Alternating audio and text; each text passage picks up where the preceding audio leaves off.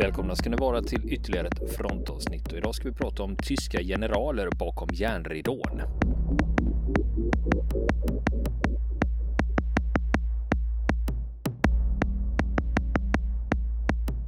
Ja du Niklas, vi hade kommit så långt att Wilhelm Adam hade i alla fall hunnit träffa Paulus. Ja just det, det var ju början av 1942 och sen har vi ju berättat lite vad han, eh, vad han skrev eh, i sina memoarer efter kriget om sina första intryck av, av Paulus och, och eh, hurdan han var som, som befälhavare. Och man, kan ju, man kan ju säga där då att när, när Paulus tog över sjätte armén då på södra delen av östfronten i början av 1942, då, då ändrades hela ledarstilen för den här armén totalt. Den hade letts tidigare då av eh, fältmarskalken Walter von Reichenau som var en eh, frontsoldat ut i fingerspetsarna, övertygad nazist och som hade utfärdat en rad brottsliga order då. Eh, alltså vidarebefordrat Hitlers order från högkvarteret om, eh, om eh, att de tyska soldaterna ledde ett raskrig i öster och eh, och, och så vidare. Då. Det finns en väldigt beryktad sån order från, eh, från Reichenau eh, kring detta då. Och eh, som bidrog till att sjätte armén hade lämnat då ett ganska brett blodspår efter sig inne i Ukraina 1941 under Barbarossa. Men en av de första åtgärderna som Paulus vidtog då var att upphäva den här beryktade ordern om raskrig och så vidare och eh, han försökte även få Eh, den så kallade kommissarieorden upphävd. Det var en annan beryktad order som kom uppifrån högsta krigsledningen om att politiska funktionärer från Röda armén, de så kallade kommissarierna eller politrukerna, skulle avrättas eh, direkt efter att de hade tagits till fånga eller överlämnats till Gestapo. Eh, med samma resultat helt enkelt. Och eh, det var ju en del av den här ideologiska kampen då mellan nazismen och kommunismen som Hitler såg framför sig. Att då gällde det att utrota de som spred de här lärorna för att, eh, för att eh, bidra till att knäcka Röda armén på det sättet. Och eh, det här skriver Adam också om i, i sina memoarer hur de, hur de faktiskt blev vittne till en, en massavrättning som precis hade begåtts i en, i en stad som heter Belgorod i, eh, i södra eh, Ukraina. Eh, när, eh, när Paulus gjorde en av sina första resor till fronten för att eh, ja, kolla läget helt enkelt, möta, möta sina kårchefer och divisionschefer. Och hur, hur, hur han eh, ska ha blivit upp, väldigt upprörd när han såg detta och eh, kritiserat den lokala generalen då som förde befälet på platsen då Um, var det fråga om civila eller militär personal? Det var civila som hade avrättats. Var det. Jag kan faktiskt läsa upp det här stycket om du vill. Det är ganska kort. Ja visst, jag är jättenyfiken på mm. hur, eh, ja, och det är ju som sagt, hur han själv ser på det eller beskriver det. Jajamän, och det är, det är ju som sagt jag själv som har översatt det då från, den här, från, eh, från tyskan då. Um, så att uh, som vi har sagt tidigare, det här har ju aldrig, aldrig så att säga förmedlats till svenska lyssnare slash läsare tidigare. Eh, så här säger han, Adam då, att snart var vi framme i Belgorod. Plötsligt såg vi en otäck syn mitt i staden och jag blev förskräckt. På en större plats hade en galge rests där flera civilister hängde och diglade. Paulus bleknade. I den annars så lugne mannens ögon syntes den stora inre upprördheten. Och rasande for han ut. Vad menas med att visa upp det här brottet? Jag har ju, jag har ju upphävt Reichenaus order redan vid min ankomst.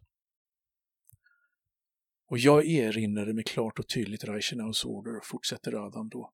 Det var i november 1941 och jag hade precis blivit förflyttad till sjätte arméns stab.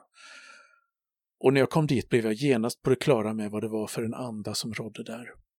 Alldeles bredvid trappan upp till stabens operationsavdelning hängde ett stort plakat på vilket man kunde läsa den där ordern med rubriken Truppernas uppträdande i det östra området undertecknat från Reichenau, generalfältmarskalk. Det var oerhört vad som här krävdes av arméns medlemmar. Det var en uppmaning till mord på den ryska civilbefolkningen, inklusive kvinnor och barn. Det hade inte något att göra med vad jag uppfattade som krigföring.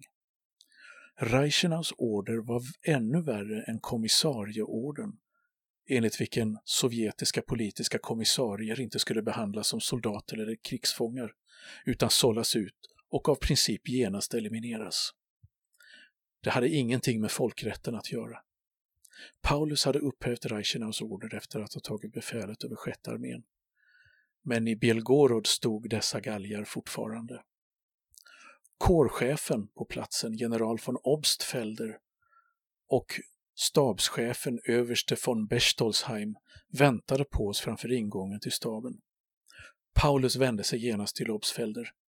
Varför har man hängt civilisterna? Obstfelder såg på sin överordnade och förklarade. Ortskommendanten har tagit dem som gisslan eftersom flera av våra soldater har påträffats döda i staden. Därefter hängdes de vid huvudgatan som ett avskräckande exempel. Lätt framåtböjd stod Paulus inför officerarna från staben. I sitt ansikte visade han nervösa ryckningar när han talade. Och med detta tror ni att ni kan få slut på partisanverksamheten. Jag anser att man uppnår raka motsatsen med en sådan metod. Reichenaus order om truppernas uppträdande i det östra upp området har upphävts av mig. Se till att denna skamfläck genast försvinner härifrån. Så ungefär så utspelade sig den här incidenten enligt, enligt Adam då som eh, eh i sin bok både är försiktigt kritisk till Paulus men även också tar honom i försvar eh, i mångt och mycket.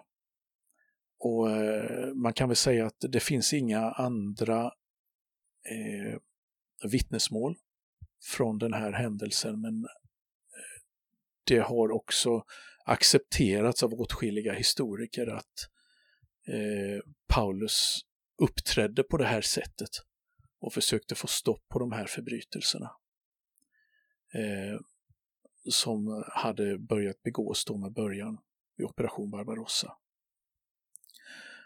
Eh, jag ska inte säga så mycket om de här första månaderna som Paulus förde befälet över armén mer än att han var, han var i alla fall bakom ryggen ganska ifrågasatt och många såg med skepsis på hans ankomst för han var ju en stabsofficer.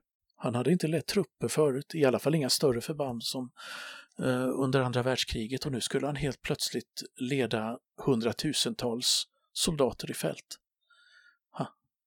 Och eh, han eh, eh lyckades ändå utmärka sig för Röda armén hade ansatt sjätte armén väldigt hårt i flera veckor och det här fortsatte hela våren eh, i närheten av eh, staden Charkiv i nuvarande Ukraina. Då. Och den 12 maj 1942 så inledde Röda armén också ett stort, en stor motoffensiv i Charkivområdet. Och Paulus lyckades avvärja den här offensiven. Och de tyska trupperna tog nästan 240 000 ryska fångar. Och så det var en stor framgång. Eh, och han fick i slutet av maj då riddarkorset för det här. Och hans kritiker då tidigare som eh, hade kritiserat honom då bakom ryggen då för att inte ha en aning om vad det innebar att leda en armé. De, eh, fick, eh, de tystnade efter detta. Och efter den här då katastrofen vid Charkiv så var, eh, den, var Röda armén då eh, så pass försvagad på den här delen av östfronten att eh, tyskarna i lugn och ro kunde förbereda sin planerade sommaroffensiv, Operation Blå, som eh, innebar eh, en offensiv då eh, mot Donetsk, Volga och Kaukasus. Så det här, då är vi framme då i början av sommaren 1942, då står man på tröskeln till slaget vid Stalingrad då som ja, man ändå får betrakta som, ja, vid sidan av D-dagen då som andra, andra världskrigets mest kända slag. Och det var ju en psykologisk vändpunkt i kriget i alla fall, kan man säga. Stalingrad. Och varför, varför säger jag det? Jo, eh, för att eh, enligt min mening så hade andra världskriget egentligen avgjorts redan i december 1941.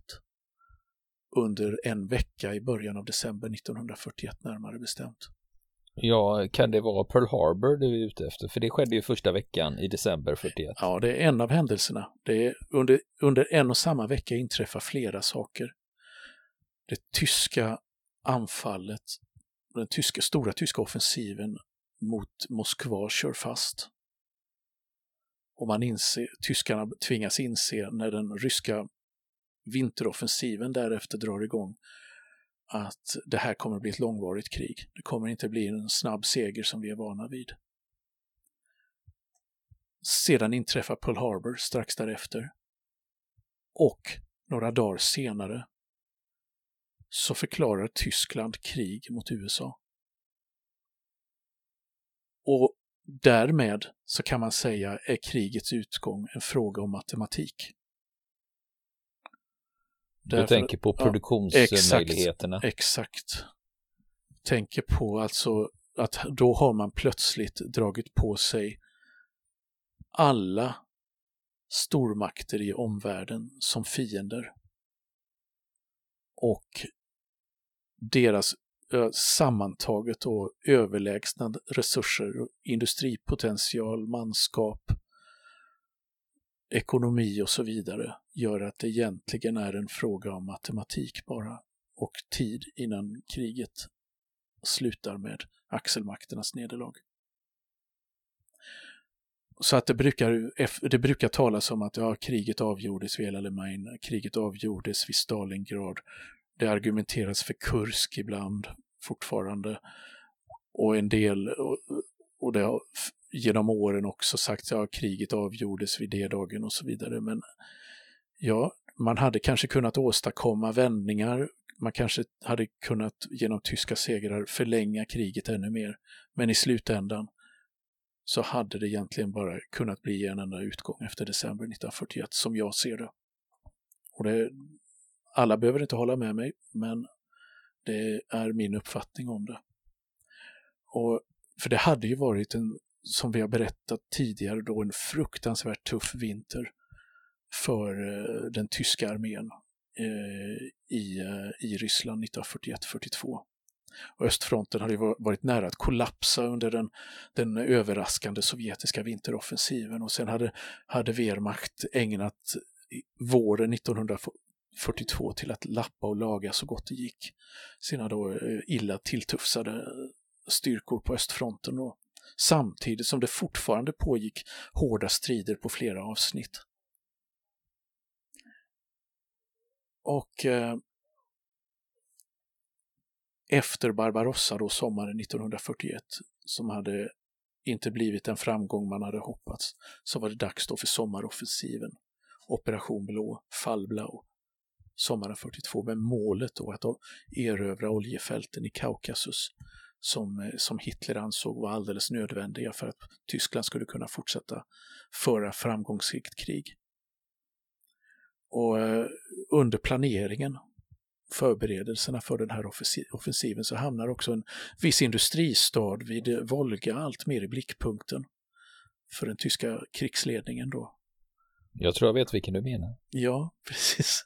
Det är ju en, en viss industristad då med en stor traktorfabrik bland annat. Som nu mer bär namnet av en flod va? Exakt. Och som före den eh, bar namnet under, eh, som den hade under andra världskriget uppkallades efter eh, tsarerna. Tsarernas stad. Tsaritsyn, som den hette fram till 1925 faktiskt innan den döptes om till Stalingrad. Och varför döptes den om till Stalingrad, vet du det? Nej. Ja, det, var ju, det var ju faktiskt därför att Stalin hade varit där eh, som politisk kommissarie i ett Röda arméförband under det ryska inbördeskriget efter revolutionen eh, 1917. Eh, strider som vanns av Röda armén och som eh, Stalin naturligtvis tog åt sig äran av sen när han eh, hamnade i maktens boningar i Kreml och eh, därför fick staden då bära namn, namnet Stalins stad då, till hans ära. Och, ja, fick ja, jag lära mig något nytt. Ja, det, det, var ju en viktig, viktig industristad som sagt och placerad på ett viktigt, viktigt ställe dessutom för att eh, Volga, floden Volga var en viktig transportled i, i eh, Ryssland vid den här tiden och eh, här tänkte tyskarna slå två flugor i en smäll. Vi tar den här staden, vi tar en viktig, eh, ett viktigt kommunikations och industricentra. Vi skär samtidigt av flodtrafiken på Volga. Eh, så att det, det, var väl det var tankarna bakom att det här blev, blev en viktig, viktig eh, stad. Men inte bara det, utan det var ju även det symboliska då att det just bar Stalins namn. Tänk att kunna få staden som bär Stalins namn att falla. Det var ju mumma för den tyska propagandan. Var det ju. Om man hade, man hade lyckats med det. Och, men utgångsläget våren 42 Eh, var allt annat än eh, rosenrött för Wehrmacht. För visserligen så hade Röda armén haft väldiga förluster under det första året av Barbarossa då, 1941 och ända fram till våren 42. Men trots det så hade man enorma resurser och en enorm potential kvar. Alltså det sovjetiska överkommandot hade liksom beräknade att trots att en miljon rödarmister hade stupat och mer än tre miljoner hade gått i tysk krigsfångenskap så hade man fortfarande mer än 16 miljoner unga vapenföra män att ställa mot Wehrmacht. Och samtidigt så, så spottade rustningsindustrin som evakuerats bortom Ural fram till sommaren 42 ur sig 4500 stridsvagnar, 3000 flygplan, 14 000 artilleripjäser och 50 000 granatkastare. Och det här var ju bara början, liksom, innan man liksom hade kommit, fått upp, eh, fått upp ångan ordentligt. Och på tysk sida så hade samtidigt en miljon man stupat, sårats eller var saknade på östfronten då. Och tyskarna hade ju betydligt mindre marginaler att kunna ersätta de här förlusterna fullt ut. Och av de stridsvagnar som hade deltagit i Barbarossa så var vid det här laget och ett år senare bara var tionde funktionsduglig. Samtidigt då så utgick Hitler i sitt högkvarter ifrån att ryssarna hade förbrukat alla sina krafter, att de var helt på upphällningen och det var en monumental felbedömning. Och det var bland annat därför som han hade beordrat offensiver mot både Stalingrad och Kaukasus, eh, vilket han tyckte att han skulle kunna kosta på sig, trots att han därmed splittrade sina styrkor och sträckte ut sin frontlinje på ett orimligt sätt och därmed frontunderhållslinjerna. Då. Och så det här var ju, det här var ju, en, eh, var ju ett, ett vågspel kan man säga. Och, eh, men Hitler var ju liksom inte, inte alls främmande. Trots att han hade beslutsångest så var han inte främmande för att eh, ta, eh, göra vilda chansningar i hopp om att vinna och det hade ju gått bra tidigare flera gånger när han hade chansat. Och, men som sagt, på det här avsnittet så var ju eh, Röda armén illa tilltygad efter nederlaget vid Charkiv. Och eh, behövde också å sin sida hämta sig. Och eh, det här var ju eh, under de här förberedelserna då så visade det sig då hur, hur besvärligt det var att ersätta eh, alla, de, eh, alla förlusterna då. Och, och, en som visste det av eh, egen erfarenhet, det var just överste Wilhelm Adam, pa Paulus adjutant. För adjutant det låter ju inte som någonting som kanske smäller jättehögt i en militär hierarki. Eh, men nu var det ju så att en första adjutant i en tysk armé hade ansvaret att se till, inte bara att han skulle finnas tillhanda för diverse uppdrag då som hans befälhavare ställde, han var också ansvarig för att se till att manskapsförlusterna i armén ersattes. Och han skulle också hjälpa sin general att se till att rätt man var på rätt plats.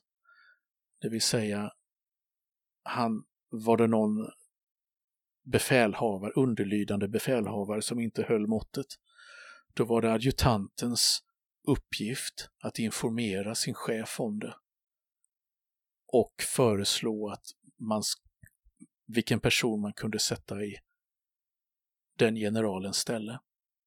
Till exempel. Så att han hade mycket att göra. Och han hade också eh, kunde alltså med egna ögon följa liksom, och försöka lösa de här eh, svårigheterna, speciellt när det gällde manskap som man hade hamnat i. Då, eh, och läget var mer eller mindre desperat på försommaren 1942 inom sjätte armén, skriver han då. Det saknades väldigt mycket manskap, förbanden var långt ifrån fulltaliga och många dugliga befäl eh, fanns inte längre på plats, de hade stupat eller sårats. Och han beskriver också hur han kallas till en konferens i eh, Oberkommando des Heeres, alltså den tyska härens överkommando, eh, som hade sitt högkvarter i Ostpreussen, inte så långt från Hitlers högkvarter, eh, i, på försommaren 1942. Han kallas till arméns personalavdelning, som vid den här tiden leddes av en bror till Wilhelm Keitel, fältmarskalken som var, var en av Hitlers närmaste militära medarbetare, chef för Oberkommando der Wehrmacht. Och hans bror då, som ledde arméns personalavdelning, han hette både Win Keitel och en betydligt mindre känd person. Och just där så tvingas, eh, så, så, så tvingas Adam lägga fram sina förslag på ja, men hur sjutton ska man kunna lösa det här, ni, ni, kan inte få fler förstärkningar, vi har inga officerare att skicka mer, ni, må, ni får lösa det här själva är beskedet från, eh, från eh, arméns överkommando. Och sättet att lösa det på som Adam föreslår det är att man ska göra befordra dugliga löjtnanter till bataljonschefer. Och man ska göra majorer till regementschefer ge dem en prövoperiod då på några veckor eller månader och om de håller måttet, ja då befordrar man dem till rätt grad. Så, eh, då låter man, eh, låter man eh, de här löjtnanterna bli kaptener eller majorer och majorerna bli överstelöjtnanter eller, eller överstar. Bara för att snabbt kunna fylla luckorna då på de, på de här kritiska eh, befattningarna då kritiska ja, ja, ja, jag förstår det, för vad skulle man göra då? Nej. Man Nej, kunde inte få fram manskap liksom. Nej, alltså kadettanstalterna och var ju fulla av eh, befälselever. Men de var inte färdigutbildade ännu det fanns, man skulle inte kunna, eh, deras kurser skulle inte vara avslutade förrän i slutet av, eh, ja, fram på senhösten, början av vintern 1942. Så det fanns, eh, den vägen var det inte möjligt att hitta, hitta den typen av, eh, av eh, ersättningsmanskap då, officerare, befäl för att lösa, fylla, fylla luckorna helt enkelt. Och likadant var det med värnpliktiga visade sig man hade kallat in massor av värnpliktiga men de befann sig fortfarande i utbildnings, på utbildningsbaserna och övningsområdena och var inte färdigutbildade. Skulle inte bli klara i tid till offensiven som var, var inplanerad. Så att eh, det enda man hade att lita till, och jag ska eh, visa det med, några, eh, med vad, vad Adam själv skriver sen här, det var ju vad, vad man kunde få från krigssjukhusen. Alltså soldater som hade blivit sårade eller sjuka och som hade tillfrisknat. Och där fanns det ju vissa dubier. Är de verkligen fullt eh, stridsdugliga? Det tar ju tid att hämta sig igen. Men de, de skickades ju rakt ut i fronten igen då. Och, eh, och eh, det var ju ett osäkert kort, så att säga. Och man fick också under den här tiden då inför offensiven vid Stalingrad, eh, mot Stalingrad också. Eh, ett celebert, en ny celeber medlem av högkvarteret. Det dyker nämligen upp en hög tjänsteman från propagandaministeriet som heter Hans Fritzsche, en radioman som senare då skulle ställas inför rätta vid Nürnbergrättegången och som skickats ut av Goebbels, propagandaministern, för att vara en slags eh, utsänd specialreporter som skulle just följa den här armén, sjätte armén under striderna eftersom man, Goebbels på förhand visste att här kommer det hända grejer. Och då vill vi ha, då vill jag ha en, en någon som kan, jag verkligen kan lita på, som kan, kan skriva massa hjältemodiga historier ifrån sjätte armén. Och det där gick ju bra till en början. Men Goebbels skällde ut honom efter noter under ett telefonsamtal en gång när han hade utmålat Paulus som ett geni efter segern vid Charkiv. Eh, och det berodde ju på att den enda som fick förklarar Adam efteråt att det berodde, ju på, berodde på att den enda som den tyska propagandan fick utmåla som ett militärt geni, det var Hitler själv. Det var ingen, ingen ära som man fick liksom förläna en, en simpel general någonstans. Oavsett hur många stora trupper han hade under sitt befäl eller vilka bragder han hade, hade klarat av. Ja, men jag, alltså, jag förstår ju idén ur, eh, liksom, mm. ur ett, så att säga, vad ska jag kalla det för ett kommunikationsperspektiv. Att man ja. har en story mm. liksom och det är ja. den som och då gäller. Håller, och då håller man sig till den, ja. Precis. Ja, det är par, ja, partilinjen liksom. Mm. Att du får inte avvika från, eh, vi har en story och den mm. kör vi. Just det, precis. Och så här skriver Adam då, om det, på tal om förlusterna då som han hade att, att tampas med då. Att under striderna om Charkiv hade sjätte armén lidit kännbara förluster. Cirka 20 000 man hade stupat eller sårats. Och det var min uppgift att fylla de uppkomna luckorna genom forcerad tillförsel av komplement. Alla divisioner skulle ju delta med full stridsstyrka i den nära förestående sommaroffensiven. Förfrågningar riktades till försvarsområdesstaberna i hemlandet. Redan några dagar senare meddelades att de första transporterna hade satts i marsch. Dagligen anlände komplementmanskap till Charkiv, vilka tilldelades de olika divisionerna. Även de sista nyuppställda divisionerna var på väg från Frankrike, liksom 51 armékårens stab under befäl av generalen von Seidlitz-Kurzbach. Och det där är ett namn vi ska återkomma till för övrigt. Divisionscheferna anmälde sig hos Paulus på stridsledningsplatsen i Charkiv. Adjutanterna överlämnade listorna med officerare till mig. Bland divisionscheferna fanns två gamla bekanta till vår befälhavare.